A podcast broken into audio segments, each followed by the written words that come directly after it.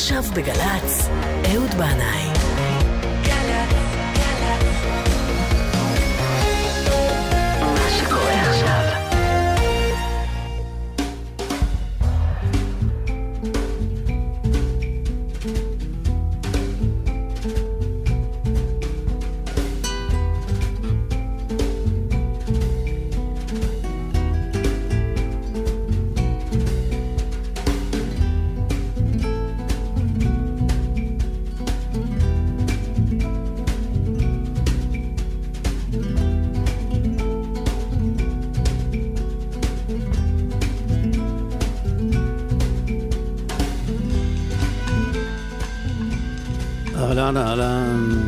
שבת שלום וחנוכה שמח לכולכם. אז מה, תגידו, אתם uh, מכינים עכשיו דגים לשבת? או שאולי כבר הכנתם? כן, עכשיו שתיים וחמישה, שבת נכנסת, עוד איזה שעתיים ורבע, משהו כזה. דג בתנור ובמחבת, ברוטב, בכל מצב. דייג אוהב דגים. ולנו יש דגי ים בזכות הדייגים שיוצאים ללב ים בכל מזג אוויר וחוזרים עם שלל של דגים טריים. בשבוע שעבר יצא לי לעשות ביקור קצר בסלוניקי שביוון, עיר נמל ודייגים. לפני השואה, רוב תושבי סלוניקי היו יהודים, ורבים מהם עסקו בדייג. אז ככה, אחרי הביקור בסלוניקי, מצאתי את עצמי השבוע מזמזם לעצמי שירי דייגים, ומפה לשם, דבר גורר דבר, והנה יצא לנו תוכנית עם שירי דייגים, ואנחנו נפתח עם אחד מהיפים שבהם, בקצב של סירת דייגים קטנה, שיוצאת עם עלות השחר, או בין הארבעים, אל הים הכחול. ארז הלוי. הדייגים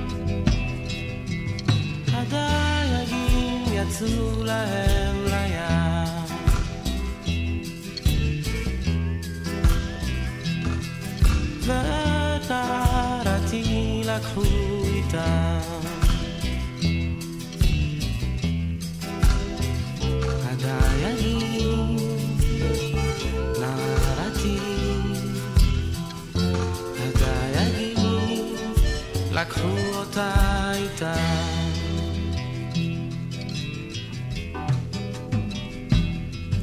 הלכתי אחריה אל הים.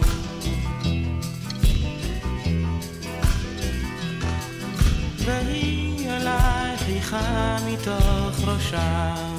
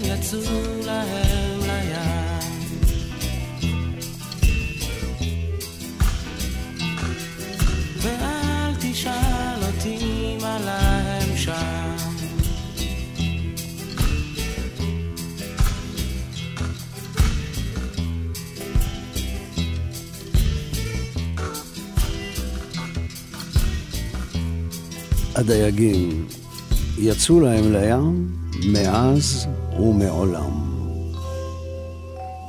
כבר בעולם העתיק יש עדויות על כך שבני האדם עסקו בדייג, ודייגים מוזכרים בתנ"ך. הנביא ישעיהו אומר, ואנו הדייגים ואבלו כל משליכי ביאור חכה, ופורסי מכמורת על פני מים, אומללו. בירושלים יש שוק דגים שמוזכר אה, בספר של הנביא צפניה, והיה ביום ההוא נאום השם, כל צעקה משער הדגים. גם בספר נחמיה ובספר דברי הימים מוזכר השער הזה, שער הדגים, ונחמיה גם מספר על תושבי צור שסחרו בדגים בירושלים, והצורים ישבו בה, מביאים דג וכל מכר. שבט זבולון ישב לחוף ימים והיה כנראה גם עוסק בדייג.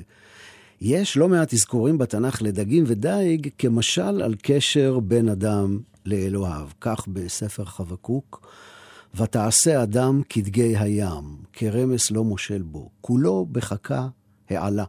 יגרהו בחרמו ויאספהו במכמרתו. יחזקאל אומר, כה אמר השם אלוהים, ופרסתי עליך את רשתי בקהל עמים רבים. וקהלת אומר, גם לא ידע האדם את עיתו, כדגים שנאחזים במצודה רעה וכציפורים האחוזות בפח. התלמוד הבבלי אומר שאסור לדייג לפרוס רשת ולהעמיד את סירת הדייגים שלו בשטח שחברו הדייג כבר עומד. כי זה, כן, זה יכול להיגמר במכות. ועוד אומרת הגמרא שלשבט נפתלי הייתה זכות בלעדית לדוג בים של טבריה, כי הוא, הים של טבריה, הכנרת, היא בשטחו ובנחלתו של שבט נפתלי. בתלמוד הירושלמי כתוב שדייגי טבריה נהגו שלא לעבוד בחול המועד אה, עם רשתות. אולם כדי שלא יחסרו דגים בחג, הם היו דגים לסעודות חול המועד של חוגגי החג רק בעזרת חכה, אבל לא ברשת. בברית החדשה אנחנו מוצאים כתוב, ויהי בהתהלכו על יד ים הגליל, וירא והנה שני אנשים אחים. שמעון הנקרא פטרוס ואנדרי אחיו משליכים את סודה בים כי דייגים הם. ויאמר אליהם, לכו אחריי ואשימכם לדייגי אנשים. ויעזבו מהרה את המכמורות וילכו אחריו. ואלה הם העופרים, שיר הדייג. שוב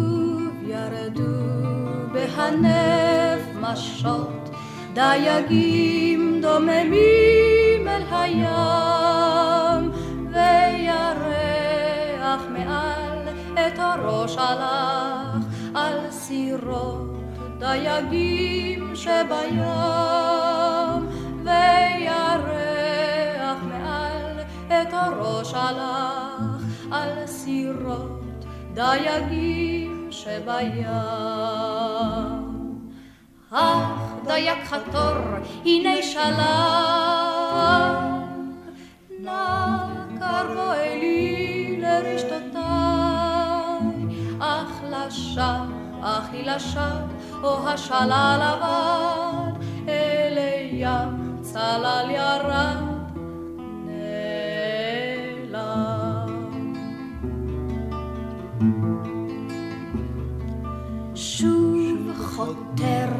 בין שברי גלים, סירתו מיטלטלת בדד, ערפילים מתפשטים על גלי הים, מכסים סירתו של דייג, ערפילים מתפשטים על גלי הים, מכסים סירתו של דייג.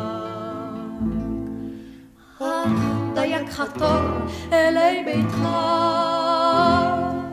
שוב על החמה בין ערפילים, המחר קרב ובא, דייג יצא לקרב, יימשך המאבק עם הים.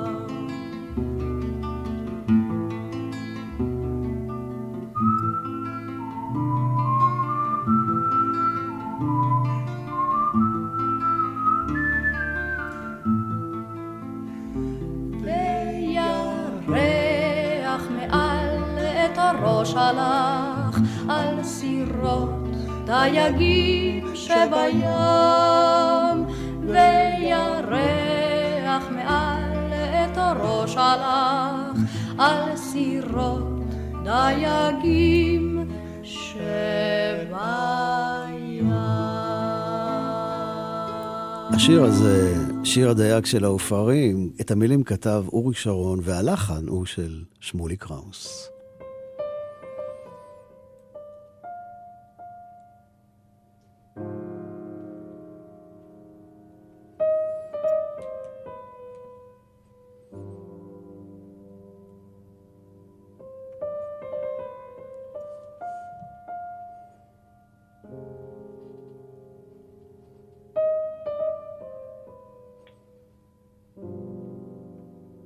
העמים הקדומים האמינו שהים הוא משכן של רוחות טובות ורעות, ושלדגים יש נשמה ורגשות בהם צריך להתחשב. על מנת להצליח בדיג, כך הם האמינו, יש לפייס את הרוחות הרעות, ולזכות בתמיכתן של הרוחות הטובות. אז הנה צרור מנהגים אה, לתועלת אלה שיוצאים לדוג, של עמים שונים ומשונים, זה נגד העין הרע של הדג. אז תדעו לכם שבסקוטלנד נוהגת אשת הדייג לזרוק מטאטא אחרי בעלה כשהוא יוצא לים. למה? אולי כדי לומר שעכשיו היא כבר לא מכשפה? לא יודע. ובסקוטלנד הם גם שורפים רשת כקורבן לפייס את הרוח הרעה. באסטוניה סבורים כי ריב במשפחה מביא מזל טוב ללכידת דגים, אז הם הולכים מכות כנראה לפני שהם יוצאים לים. דייגים רבים באירופה הקדומה היו נוהגים להשתמש ביריקות כאמצעי להביא מזל טוב, היו נוהגים לירוק על החכה. וואלה, ממש רוק אנד רול. סימן רע הוא לפגוש אישה בדרך להפלגה, ויש מקומות שהאישה רואה דייגים, אז היא מפנה את גבה אליהם. יש אומרים שאסור לשרוק בסירה. הדייג הערבי לא ייכנס לסירה עם נעליים, דייג יוגוסלבי לא ינסה להעריך את כמות הדגים שדג לפני תום יום העבודה. במרוקו נוהגים לשחוט תיש, להטיל אותו לים, בסנגל מקריבים בתחילת עונת הדייג מנחות אל הים, לאל הים. בקליפורניה נהגו האינדיאנים לרקוד לסלומון, ריקוד הסלומון. המאורים נוהגים להשליך את הדג הראשון שלכדו בחזרה לים על מנת שיספר לחברים שלו על היחס הטוב שקיבל. הוא אומר להם, וואלה, דווקא הם נחמדים, הם נחמדים, כדאי לכם, ואז וואלה, אכלו אותה. Uh, בצפון צרפת שופכים על הרשת יין. הפרסים לא נוהגים כך, מחמת הבזבוז. מה, לא חבל? דייגים ערבים, כך שמעתי, נוהגים לשחוט כבש ולהגיר את דמו לים, דייגים פרוטסטנטים חונכים סירה בבקבוק יין, ודייגים רמת גנים שדגים באגם של הפארק הלאומי נוהגים לצרף לפיתיון החכה חתיכת חציל ממנת הסביח שלהם. אז מה קרה לחלומו של הדייג? שואל ג'ון מרטין. What happened to the fisherman's dream? ואני הייתי איתו בנמל יפו, ושאלנו את השאלה הזאת מול סירות הדייגים. ג'ון מרטין.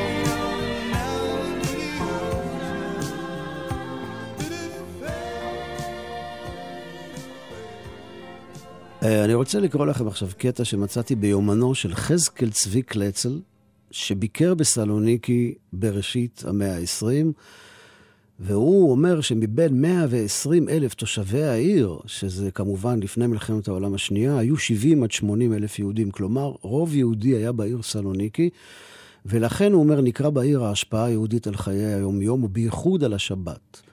החנויות היו סגורות בשבת. פועלי הנמל, הסבלים והדייגים, שרובם היו יהודים, שבתו, ולכן שבת גם הנמל. עיר השובתת כמעט כולה, ונמל שאינו פעיל בשבת מכוח השפעתם של היהודים הוא דבר שונה ומופלא שלא נראה כמותו במקום אחר בעולם באותה תקופה. השוק החשוב ביותר, שוק הדגים, נפתח בשעות אחר הצהריים של יום שישי, כשהדייגים חוזרים מן הים הפתוח אל הנמל. לדייגים האלה אין בדרך כלל אלא רק סירתם, ועימה הם מפליגים כל השבוע ונמצאים בים של החוף היווני, אך ביום שישי חוזרים כולם לעיר מולדתם, סלוניקי. כבר בשעות לפני הצהריים מתחילות הספינות הראשונות לשוב לנמל ועוגנות ליד הרציף, עד שלבסוף נחות להן בנמל סירה ליד סירה. חרטומי כל הסירות פונים לכיוון העיר וירכתיהן לכיוון הים. על מרצפות הרציף הלוהטות מחום השמש נערמים הדגים בקשקשיהם הכסופים, ומסביבם נדחקים הקונים, וכל אחד מתאמץ להשיג לו לכבוד השבת את הדג היפה ביותר. סלוניקי, לפני מלחמת העולם השנייה, קטע מהיומן של חזקאל צבי קלצל, שביקר שם בראשית המאה ה-20. אגב, גם אה, בן גוריון אה, ביקר בסלוניקי אה, בשנות ה-20 של המאה ה-20, אם אני לא טועה. הוא חי שם חודשיים-שלושה. הייתה שם קהילה יהודית ענקית, ענקית, שרובם, כמעט 50 אלף מהם, נספו בשואה האיומה. כיום יש בסלוניקי קהילה שמונה בערך כאלף יהודים, ומספר אה, חזקאל צבי קלצל על רדת השבת בעיר סלוניקי, ואומר, עכשיו חושך מוחלט מסביב, ולמסתכל לכיוון העיר נדמה שהוא נמצא באחת האגדות של סיפורי אלף לילה ולילה, בעיר קסמים. מאות אורות נוצצים ממדרוני ההר. בכל בית יהודי מוארים החלונות. אור יקרות שאין לתאר יפה ממנו, מקדם בברכה את פני השבת בהיכנסה לעיר היהודית הזו. לא רק האורות מקדמים פניה, אלא גם הזמירות העולות ובוקעות לכבודה, מאלפי גרונות, ויוצאות מבעד לחלונות הפתוחים, ומתנועעות על המים כמקהלה הרמונית אחת, אדירה. עד כאן מהיומן של צבי קלצל. ואנחנו עם uh, הזמרת מרים אביגל, שנפטרה השנה, והיא הייתה בת להורים יוונים שעלו מסלוניקי לתל אביב, לשכונת פלורנטין, שם היא גדלה, והנה היא מרים אביגל עם התפילה של בת הדייג. השיג הדייג סירתו אל המים לעבר הים העמוק. ילדה קטנטנה אפורת העיניים נשאה תפילתה לרחוק. ילדה קטנטנה אפורת העיניים נשאה תפילתה לרחוק. אלי נצור מצולות האינסוף ושמור נתיבות בימים כמוני עומדים ילדים על החוף והמה בני דייגים כמוני עומדים ילדים על החוף והמה בני דייגים.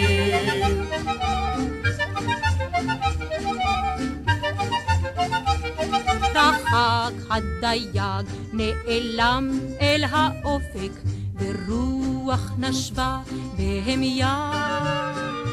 אי שם על החוף עמדה היא באופל ילדת דייגים הומיה.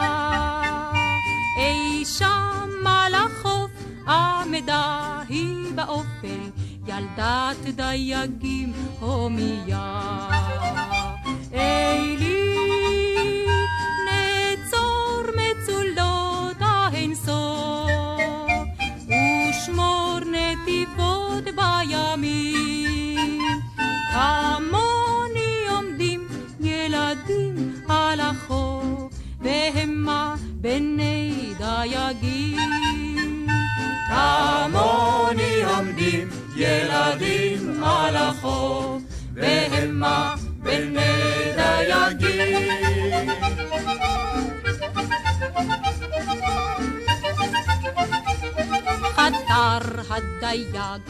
אל החוף, אל הסלע, מגל אלי גל במשותיו. ילדת דייגים, מדמה משבלה, לים לחשה אל גליו. ילדת דייגים, מדמה משבלה, לים לחשה אל גליו.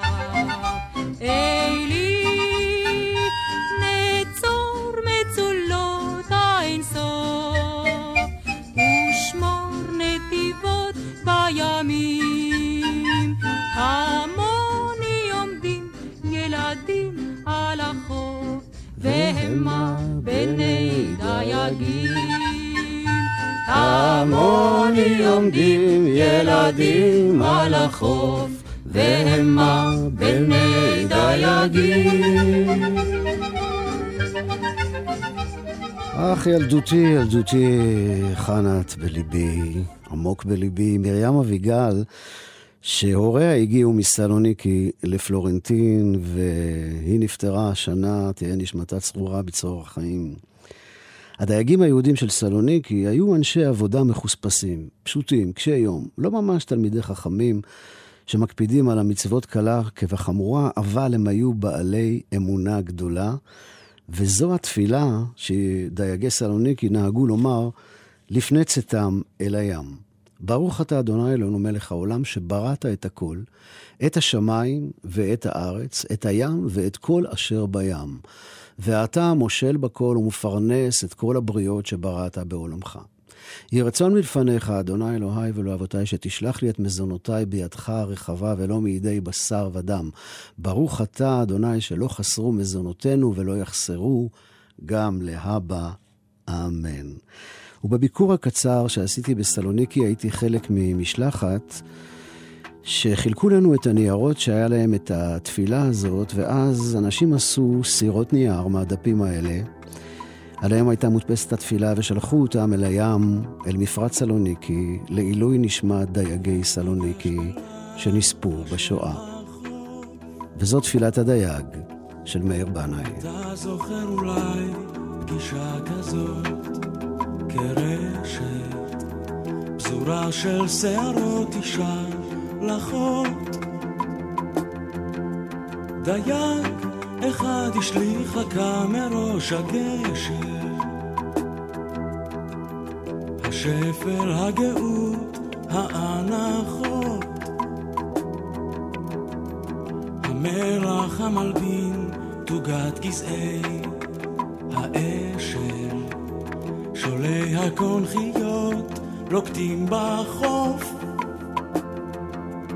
קינת שכפים תרופה של אהבה נואשת.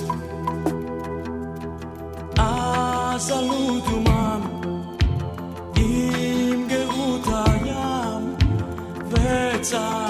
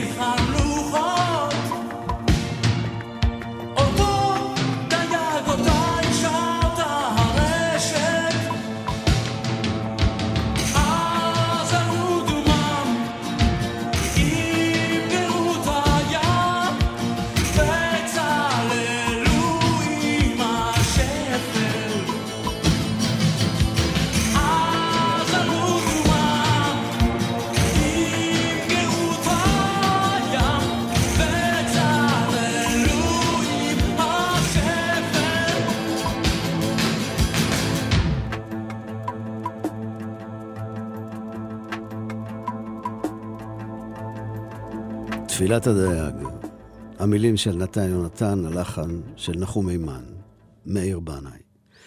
משפט מחוזי טבריאני אומר ככה: כל מי שלא אכל מושט בלאדי מהכנרת, לא אכל מושט מימיו. ואני יכול להעיד, כחובב מושטים, שזה נכון ביותר. זה מושט שיש לו טעם קצת שמזכיר פיסטוק חלבי. באמת משהו מיוחד. ולפני קום המדינה, מרבית הדייגים בטבריה היו ערבים, וזקני טבריה נוהגים לספר שבטבריה, בתקופה ההיא, כל היהודים דיברו ערבית, וכל הערבים ידעו יידיש. אה, חדש ימינו כקדם, הלוואי ונחזור אל המצב הזה. אז ככה אומרים שהייתה ניגשת טבר, אשכנזייה למוכר דגים ערבי בשוק ואומרת לו, תן לי בבקשה צווי קילו פיש ומאי קונטזה. אני מקווה שאני מדייק בהגייה, אבל הפירוש לזה, תן לי בבקשה שני קילו דגים רק שיהיה טרי. והוא הבין מה היא אומרת. זקני טבריה גם מסבירים איך מזהים מושט של הכנרת. הפה שלו לא מוארך, אלא עגלגל, והעין שלו היא טבריאנית. כן, עין טבריאנית, כלומר, לא עין רעה, אלא עין יפה, שלא שקועה. יהושע אלפסי, דייג טבריאני ותיק, אומר ככה: דוד המלך אומר בתהילים, יורדי הים באוניות, המה ראו מעשה השם. למה? כי כל דייג, דתי או לא, לפני שהוא מוריד את הרשת למים, הוא אומר, בשם השם נעשה ונצליח. כדי לדוג חייבים להצטייד עם אמונה. בלי אמונה, אף דייג לא יצא לים. אני, אגב, אומר יהושע אלפסי, אומר גם עוד משהו אחר. נון, נון, נון, יהושע בן נון, שלוש פעמים. ואני חושב שאולי הוא אומר את זה כי נון בארמית זה דג. אז בואו נגיד עכשיו כולנו יחד, ממטולה עד אילת, וגם מסן פרנסיסקו ועד אוסטרליה. נון, נון, נון, יהושע בן נון, נון, נון, נון, יהושע בן נון, שיהיה לנו דגים טובים לשבת, בסימן טוב ובמזל טוב. אז אם אנחנו כבר מדברים על שלישיות ועל טבריה ועל מושטים, נו, אז מה? אז הגענו לגשש החיוור. הגשש החיוור בתחילת דרכם היו בעצם שלישיית זמר, למי שזוכר. היו, היו להם כמה מערכונים קצרים בין השירים, אה, שהם היו כמו הקדמה אה, אל השיר, מה שנקרא קטעי קישור. אז המערכון המיתולוגי הידוע של הגשש עם שאלת המחץ הפילוסופית-קיומית, דייג אוהב דגים, זה היה בכלל קטע קישור לשיר הבא, שאני אשמיע לכם מיד, שכתב יהודה עופן והלחין אריה לבנון. פרס דייג הרשת ביום סגריר. מצא אוצר ברשת ביום סגריר. יא... פרס דייג הרשת ביום סגריר, מצא אוצר ברשת. ביום סגריר, אז מה צריך דייג, אוצר כך סתם? תפס אותו ביד, זרק אותו לים, לכל חגה יש שני קצוות, וכל קצה רוצים לחיות, ורק צריך עוד לברר. באיזה צד חיים יותר.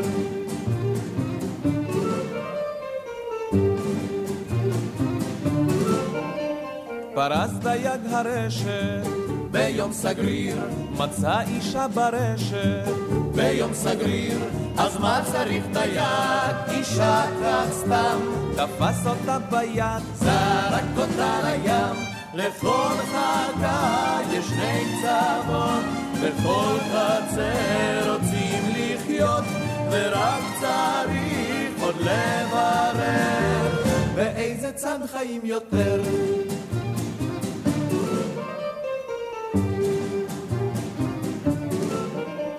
פרס דייג הרשת ביום סגריר, מצא כריש ברשת. ביום סגריר, אז מה צריך כריש? דייג כך סתם. תפס את הדייג, זרק אותו לים.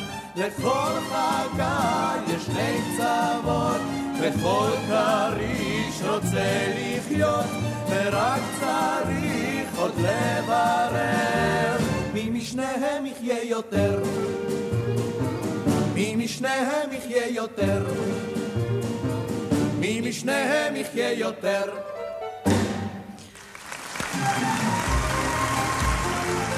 מחיאות הכפיים לשייקה, פולי וגברי, הגשש החיוור הנפלאים והנצחיים.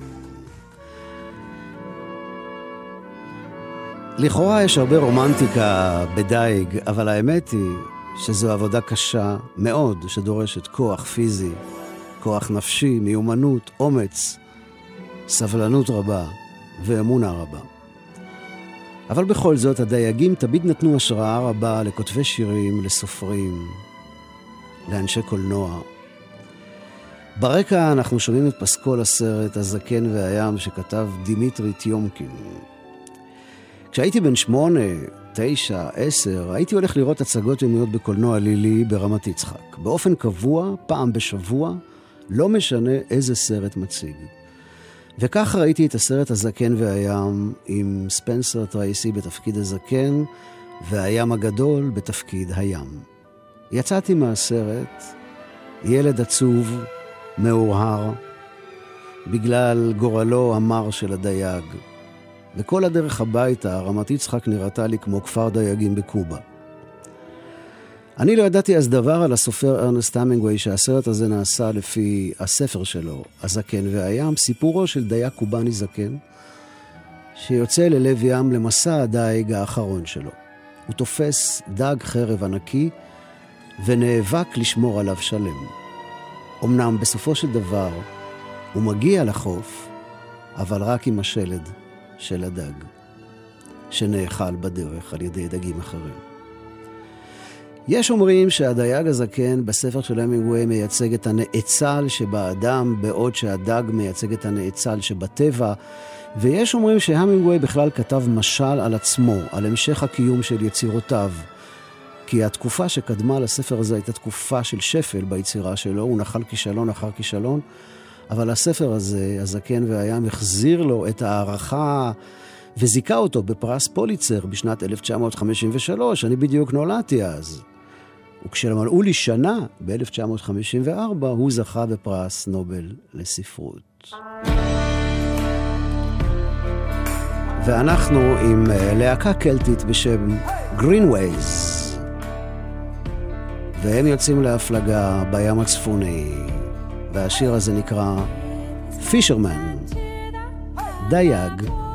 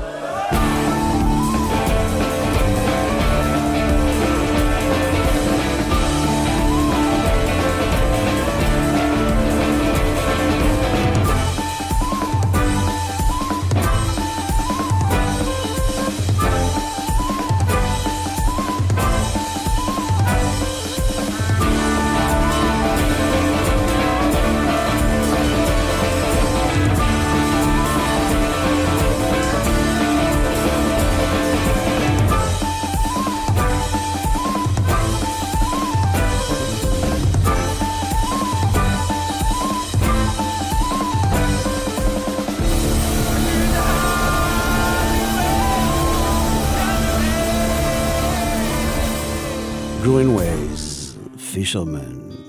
וגם השיר הבא נקרא פישרמן, וגם הוא מגיע מאזור בריטניה, של צמד שעושה מוזיקה קלטית, בן ווקר וכריס נואלס. פישרמן. thank you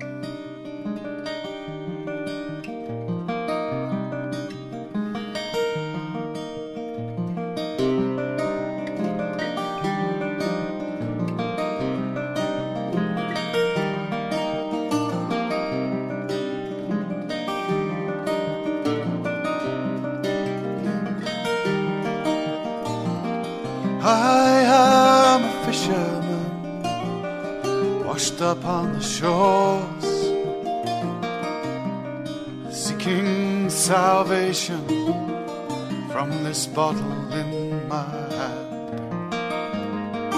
Though the dawn may wake me and the sea may take me still, like the tide I come and go, like the tide I come and go, like the tide I come and go.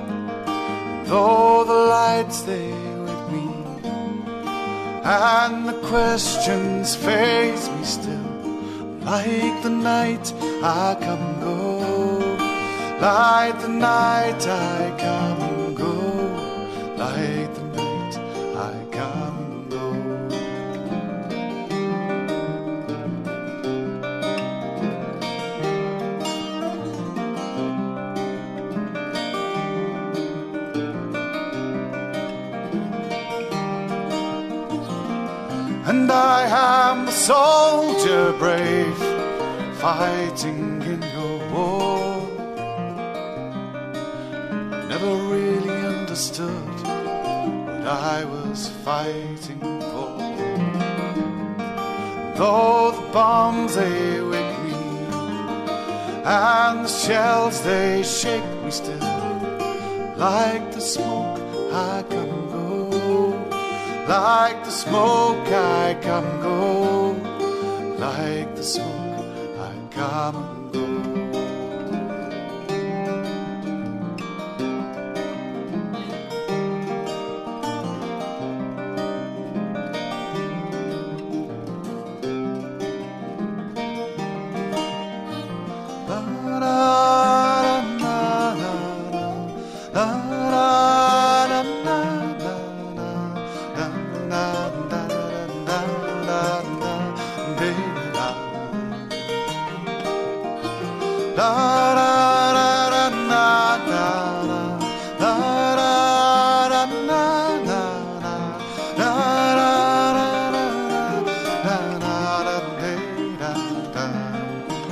da da da da.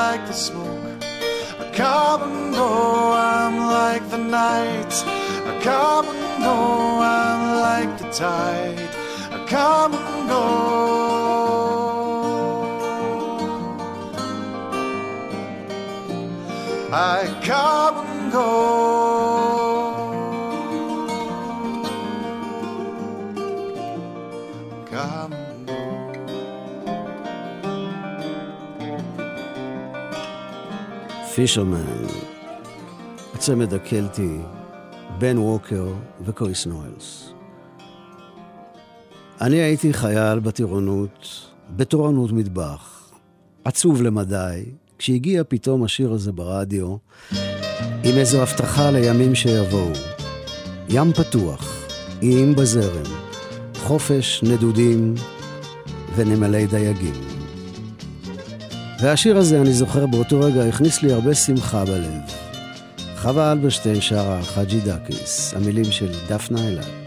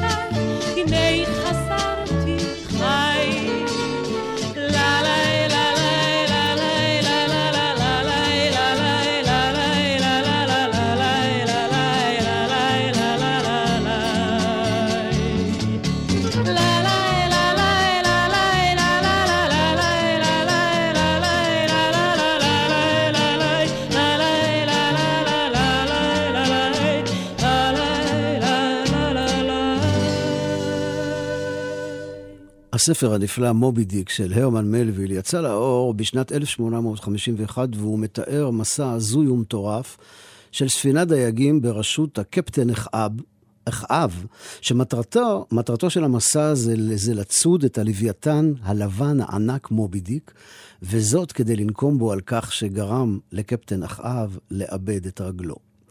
מלוויל הסופר בעצמו היה מלאך שיצא למסעות אה, של צד לוויתנים. וכך פותח הרמן מלוויל את הספר, רחב היריעה הזה, בכתיבה שהייתה נועזת לזמנה, פשוטה, ישירה ומלאת הומור. קוראים לי ישמעאל.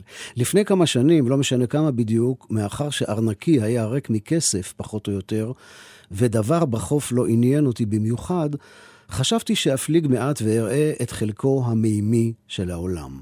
זאת דרכי לגרש את המראה השחורה ולהסדיר את מחזור הדם. בכל פעם שאני מגלה כי חיוכי מריר, בכל פעם שמשתלט על נשמתי נובמבר לח וגשום, בכל פעם שאני מתעכב ללא משים מול חנויות לממכר ארונות מתים ומצטרף לזנבה שכל לוויה שנקראת בדרכי, אז אני מבין שהגיעה העת לצאת אל הים, ויפה שעה אחת קודם. אני עולה בשלווה על ספינה דייגים. הדבר איננו מפתיע כלל, לו רק הכירו אותו, כל בני האדם כמעט, כל אחד במידתו, היו חולקים איתי את הרגש הזה לגבי הפלגה אל האוקיינוס.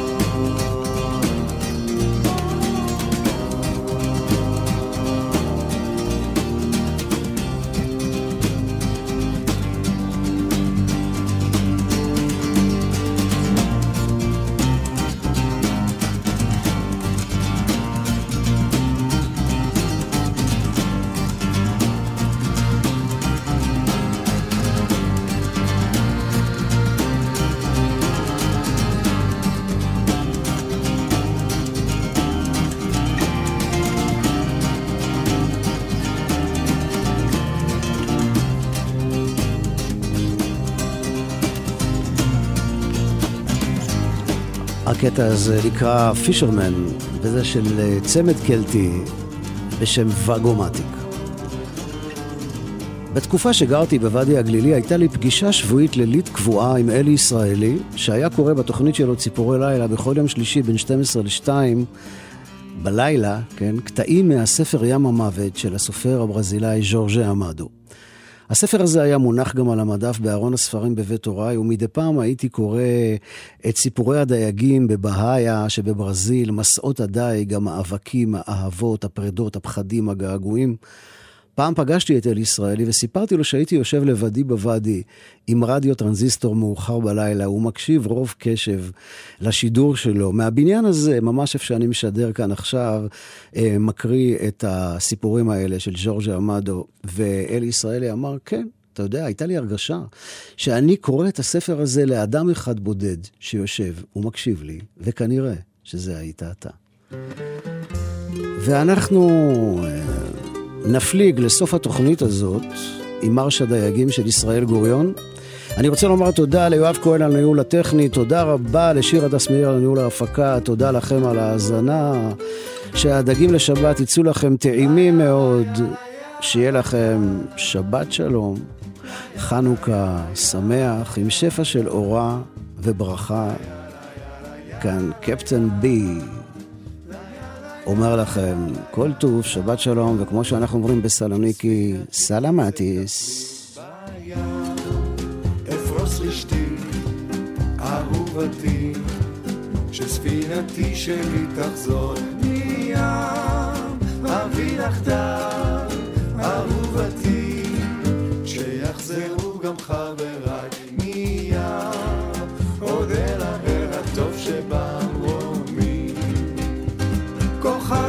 רחוק שלי